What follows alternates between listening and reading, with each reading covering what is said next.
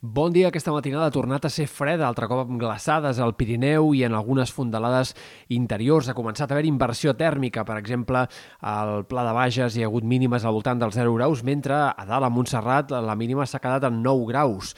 El fred es va encaixonant a les zones més baixes i enclotades. Aquest migdia esperem màximes al voltant dels 20 graus en moltes comarques del sud, de la costa, del prelitoral, per tant un ambient més càlid que no pas ahir en conjunt ben bé pujar d'un, dos graus respecte a la jornada anterior, en un dia en què el sol predominarà, tot i que al migdia, a primeres hores de la tarda, s'acostarà un sistema frontal que arribarà enterbolir bastant el cel en algunes comarques, sobretot al sud i de Ponent. Eh, núvols bastant passatgers transitoris que eh, marxaran de cara a la tarda i la pròxima nit tornarà a ser serena. Demà també parlarem d'alguns núvols prims, estones de cel enterbolit, però no serà fins dimarts que començaran a augmentar d'una forma més clara aquests núvols. I és, entre dimarts, dimecres, dijous, sí que parlarem ja d'un cel més tapat, més carregat i fins i tot amb algunes pluges. Probablement en moltes comarques aquestes precipitacions hi seran minces, però a Ponent i especialment en sectors del Pirineu, al vessant sud de la Serlada, podria haver-hi pluges importants, destacables, entre dimecres i dijous.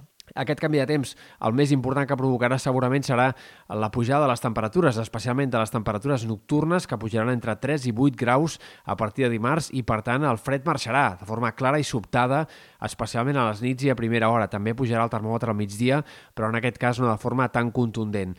Eh, de cara a la segona part de la setmana, a partir de divendres i al cap de setmana, tornaria a baixar una mica la temperatura, però sembla que ens instal·larem en valors més normals per l'època, ni amb tanta suavitat com la que tindrem a mitjans de setmana, ni tampoc amb tant de fred com el que hem tingut en aquestes últimes jornades.